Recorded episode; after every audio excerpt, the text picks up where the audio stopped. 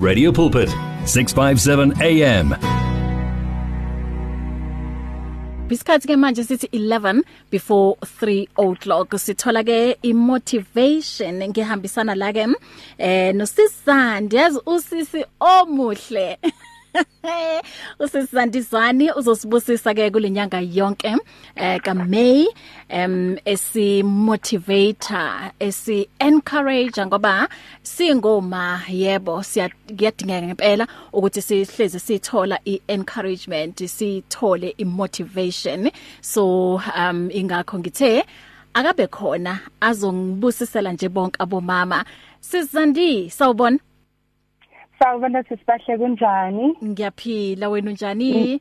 Ngiyaphila ngithanda ukubingelela abalaleli be Radio Pulpit emakhaya. Amen. iStrand njani namhlanje?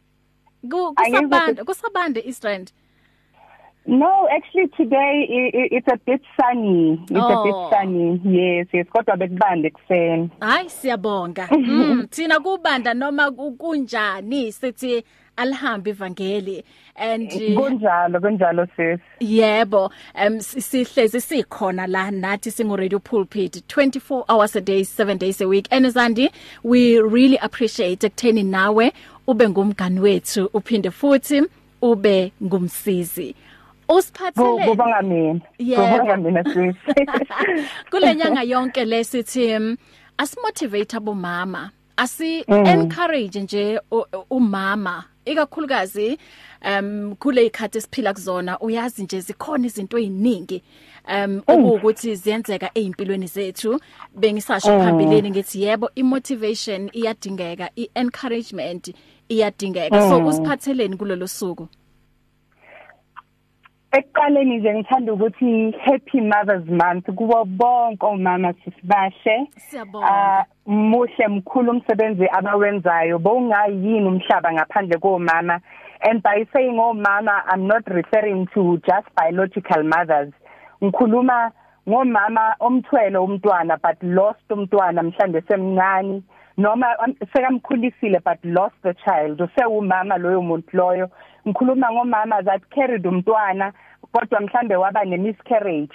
Usewumama loyo muntu loyo sithi happy mothers month kulabo bantu labo. Ngikhuluma ngogogo abakhulisa abazukulu abakhulisa ingane zeyihlobo omama labo. You know they are very important people. Ngikhuluma ngo auntie omakhelwane who are assuming the role of being a mother to ingane in the community. Ngikhuluma ngomama who's a single um mother okhulisa ingane eyedwa without usizo lika baba ngikhuluma ngomama ubaba ukhona. Kwesinye isikhathi ubaba uyabakhona but uthola ukuthi ubaba ukhona kodwa akekho you know? Ukhona but mm. I assume a role. Mm. so those are the special people i am saying namhlanje ngimthulela isigqoko niyimbokodo umhlaba wouldn't be the way it is ngaphandle kweni in fact umhlaba ubungeke ube umhlaba ubungeke ugcwale the way ugcwale ngakhona ngaphandle komama. Even uNkulunkulu trusted umuntu wesifazane wamenza umama to even bring our savior and redeemer emhlabeni. uJesu ukuthi azalwe there had to be uMary who had ukuthi from being a virgin abe umama ukuthi sikwazi ukuthi sisindiswe namhlanje. So ngithanda ukuthi kubomama sometimes sinokuzingabaza sisibahle. Eh sicabanga ukuthi mm. we not good enough. Yeah. we are not doing enough. Mm. especially eyikhathini esiphila kuzo where there's ama trends happening. There's gadgets everywhere. There's brands. You know you you, you noma ngabe uyazama you can't keep up you can't have everything. And mhlawumbe uthola ukuthi abantwana bazithola bane pressure bafakela i pressure nawe as umama end up uzdoubter thinking you are not enough you are not doing enough. Ngithanda ukuthi kuwe namhlanje okwenzayo okwenzayo yiloko uNkulunkulu akubizele kona yiloko akudalele kona which is to be a steward eh yalomntwana uNkulunkulu has entrusted these souls kuwe. uNkulunkulu uthembe wena ngekusasa lomhlaba yena wenzile wathi ngizokhetha usisibahle wathi ngizokhetha noma ubani umlalelo olalele out there athi ngizokhetha wena ukuthi you will give birth to this child or these children who will in future be doctors who will in future be presidents and leaders of the country who will in future be lawyers and nurses hey inkosi yami yazi uNkulunkulu usithembile sisibahle if bese nga mm. understand that part ukuthi for you to be a mother it means ukuthi angikhulumi nga just giving birth. Yeah. even that opportunity of raising your your siblings child that opportunity of raising umntwana kamakhelwane you are being a mother. You you are playing a role uNkulunkulu akunikeze yona wathi ngiyakuthemba. Na umhlaba wami ngiucreateile ene lo mhlaba lo ukuthi uqhubeke kumele kube khona abantu abazowusebenza lo mhlaba. Right mm -hmm. so wena umama ngikunikeza that responsibility yokuthi kuzothi umntwana nje amncane you know uzomkhulisa wena umenze abe ngalendlela le ekumele abe ngayo ukuthi umhlaba uqhubeke ube the way uNkulunkulu awudale ukuthi ube ngakhona so ngithanda ukuthi komama singazi compare. Singazitholi si pressured because of things that are happening around us. Bese siyikhohle ukuthi so ubani we are those people that God has trusted ngekusasa lomhlaba awucreateile that's a very very big and important an important role sisibahle. Mm. so la ukhona as umama sishaya isifuba noma ngabe kulala kudliwe ikhabishi noma amazambane okusalayo uwumama khona okwenzile ukuthi ingane zakho ilale ingadlanga. Ingane zakho ayilalanga ngendlala. Nangalelanga leli eh kungekho lutho etafuleni ungazi ukuthi uzozinikeza izingane zakho. Iya kuJehova okuthembile wasinikeza this responsibility uthi baba nginalutho esandleni ngithembe wena. He will surely surely make a way. Ingane zakho angeyilale ingadlile you know so zithembe. Hamba ngokuzigqaja because wena ukhethiwe because you are that special. Celebrate yourself oh woman. Celebrate yourself as a mother because ubalekile nemuhle umsebenzi owenzayo. Yes ingane seyikhulisa ngendlela esiyikhulisa ngayo e right and sometimes mayakhula they choose their own way. Don't blame yourself. Inkinga yikho kuwe. Wena okwakho bekuwukuthi umkhulise which umsebenzi uNkulunkulu akunikeze wona. Naye sekhulile umntwana uzoyikhetha yakhe indlela. Kodwa wena mawumkhulise ngendlela kaJehova mm. then you've done your job. Mm. do not be too hard on yourself. Mm. ungazithole ushaywa istress ushaywa iheart attack. Omama babulawa istroke out there because ingane zabo zisemajele. That's not your doing mama. You did what you needed to do. Futhi wenza umsebenzi omuhle onqomekayo umntwana mayelahlekile sekhulile ulahleke ngokwakhe uyikhethele ukulahleka all you can do ukuthi uhlale edolweni omkhulekele ngaso sonke isikhathi. But awukwazi ukumthathela izinqumo ngoba sekamdala. Awukwazi ukuthi manje uzomphilela impilo yakhe kumele ayiphilele. Kumele umkhulule abe umuntu ophelele ayiphilele. So ngithanda nje ukuncoma abo mama sisibahle you know um ngiyazikhuthaza nami ngokwami because i know nami ngumama there are times when feel like i'm i'm failing. You know maybe i'm not mm. good enough ngoba ngikwazi ukwenza uA no B no C. And today ngithe mangihlala ngithe ngizinza kuNkulunkulu uNkulunkulu wanginikeza lenkuthazo that I'm passing on to abanye abomama ukuthi you are enough. What you are doing is enough. Ungafuni ukuthi uzifanise nabanye. Kuyohlala kukhona bomama abafundile kunawe kuyohlala kukhona bomama abadrive imoto ezinhle kunawe. Mhlawumbe wena unayo kwaleyo moto leyo kodwa uyakwazi ukumkhulisa umntwana mm. ngendlela eright enothando uyakwazi ukumfundisa ukuthi ubani uJehova umfundisa ukukhuleka. That is enough. Amen. That is all that God has called you to do. Ungafuni ukuthi ivungvuku zomhlaba zikutshele otherwise. Mm. uNkulunkulu ukuthembile and ukunikezile amandla and the capability yokuthi uyikhulise lengane ngendlela eright sisibahle. Mm. and today is such a special day. Um i was just amazed ukucabanga ukuthi hey uNkulunkulu ozanginikeza le task on a very very special day. Wow. so 13 years ago on this day i became a mother for the first time. Oh! so yes. So so so so this this this day this slot is is so special it's so specially khethekile ngendlela eyisimanga because 13 years ago I did not know ukuthi eh ngonyaka we13 eh ngizobe ngikhuthaza omama on this day. You know so uNkulunkulu vele wayihlela nje yahamba kahle. And I'd also like to say I know my daughter is listening. I'd just like to say happy 13th birthday baby. Mommy loves you. And and happy birthday to everyone who's who's celebrating their birthday ngalelanga leli sisibahle and wow you know I I'm so happy. Ngikhuthazekile. uJehova ngikhuthazile. And I hope ukuthi ubathintile omama. Those who are broken who are feeling like they failing like they not good enough like they not they don't have enough. Konkonako kwanele unganako kucela Jehova and uNkulunkulu will provide. But what you have done so far what you have provided so far is all that you needed to do. Because uJehova akafani phela eh, nama employers uJehova uthi makakunikeza responsibility akunikeze the resources. Amen. So unakho konke okudingayo ukuba the mother that God created you to be sisibahle ah yes. sithi mama you are enough. Mama okwenzayo you are enough. Mama Yes. asikho isidingo sokuthi we compare nabanye Yes. omama. Lokho onako um, iba content ngakho. Lokho Yes. okuphethe esandleni um Mm. kwamukele ngaleso sikhathi.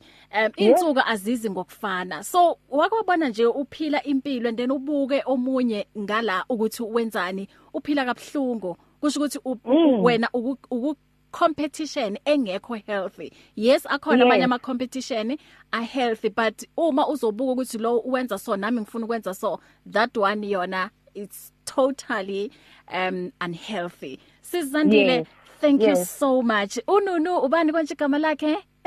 Unobuhle. Ha unobuhle nobuhle. Happy happy um birthday. Wenza 13 namhlanje. Yes yes sisibahle wow. Uyazini ne? Eh kukhona nje into especial lana um okuwukuthi um ngiye ngacela ubaba wakwakho.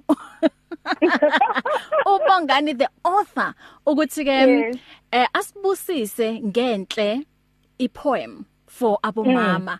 Wathi hayi bahle uyazini ngi- ngizo- ngizoyenza and ngingakujabulela ukukwenza lokho. Um okay ithi ngibone la before uphuma kunomyalezo asibone la uthini uthi this is Geli Tsotetsi uthi yes mamzwani we thank God for the encouragement that what we are doing is enough. That's powerful. Sometimes we Ah. have doubts and questions um if we're raising our kids um in a in a right manner. But today I am encouraged. Thank you sis Geli Tsotetsi. Wow wow wow. Bonga mina bonga mina sisibahle Amen. Mhlambe kunabanye ke sizandi bathi yo yazini ng- ngibe encouraged and ngimzwile usizandi kodwa kukhona nje okunye mhlambe ngingathanda ukukhuluma naye eceleni angazi ukuthi uyasivumela yini um ukuthi usiphe ama number mhlambe bangaxhumana nawe. yes yes anginankinga ngaloko in fact i love working nabantu abawomama because yo they very close to my heart Mm. so ngiyatholakala ke sisibahle i'm on uh, most social media platforms Mhm. i'm on facebook as Zandi Zwane Zandi with a y Mhm. Zwane and then i'm on instagram as well ngozandi_zwane Mhm. and then um i'm on whatsapp ku 071 Mhm. 725 0216 eh namhlanje uthanda ukungishayela ucingo uh, on 067 099 0289 Asiphinde we WhatsApp 071 071 Mhm. 725 Mhm. 0216 0216 yes yes. Next week sisonke futhi. Bona angikiyeki kulonye kulenyanga nginawe every Sunday la.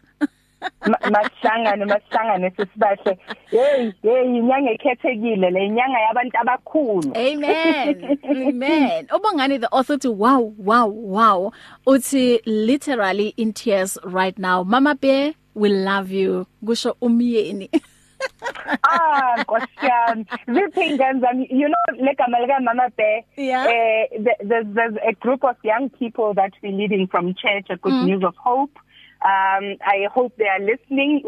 We, we, we call them YAM. It's Young Adults Ministry. Okay. You know, so the YAM family, they call me Mama Bear. Oh, liphuma lapho leli gama. Yes, yes. Nansi ke a beautiful poem iphuma kumyeni. um uthi ke we dedicatela nje bonke abomama. Sizandi, thank you so much. Let's meet again next week ngaso lesikhathi. Bless you. Thank you. Thank you, Mama. Oh, mother, it's no wonder that you are a superwoman. With all the fires that have burned you, and all the feasts that have banged you, and through all the men that have hurt you, still your heart is gentle, your voice oh so tender. All the preachers you crossed and didn't burn for the sake of your offspring. For the nine months you carried a seed inside of you. Unsure of its gender, still you were tender. Though we reject the gender God whispered we are to you, still you stand with us. Oblivious to the fact that you could be carrying a murderer, a thief, or an addict. You are not a mother because you have fallen pregnant. You are a mother because it was your choice to keep us. Even though carrying us meant the death of you. Through the many changes your whole body was subjected to, and the many months your body was turned into a garden. The mood swings and the heartburn we came with did not stop you. No, it couldn't have, even if it tried. Nor the scar for life you have in your belly. The stretch marks you wear like a crown of victory. Oh, mother, it's no wonder that you are a superwoman. I admit, mother, I could never walk a mile in your shoe. You stood on a long queue on my first day at school. Weak, even though your knees could not carry you anymore. You stood on a long queue to visit me in jail. You nursed my wounds even though you did not cause them. Mother, it's no wonder that you're not just a woman. Though we have idolized Superman and incorrectly placed him in your, in your rightful seat, over and over we have chosen our friends over you. Still, our poor choices could not take away your superpowers. God has teamed up with you to carry out his master plan of creation. Even through the rejection of our fathers, even when we in turn reject you, choosing our good for nothing dads. Still then, mother, your love you did not withhold. You kept secret your pain, your tears, and your head. Oh, mother, it's no wonder that your love is immeasurable. Mother, it's no wonder that your faith is unstoppable. Oh, mother, it's no wonder that, that your superpowers are truly undeniable.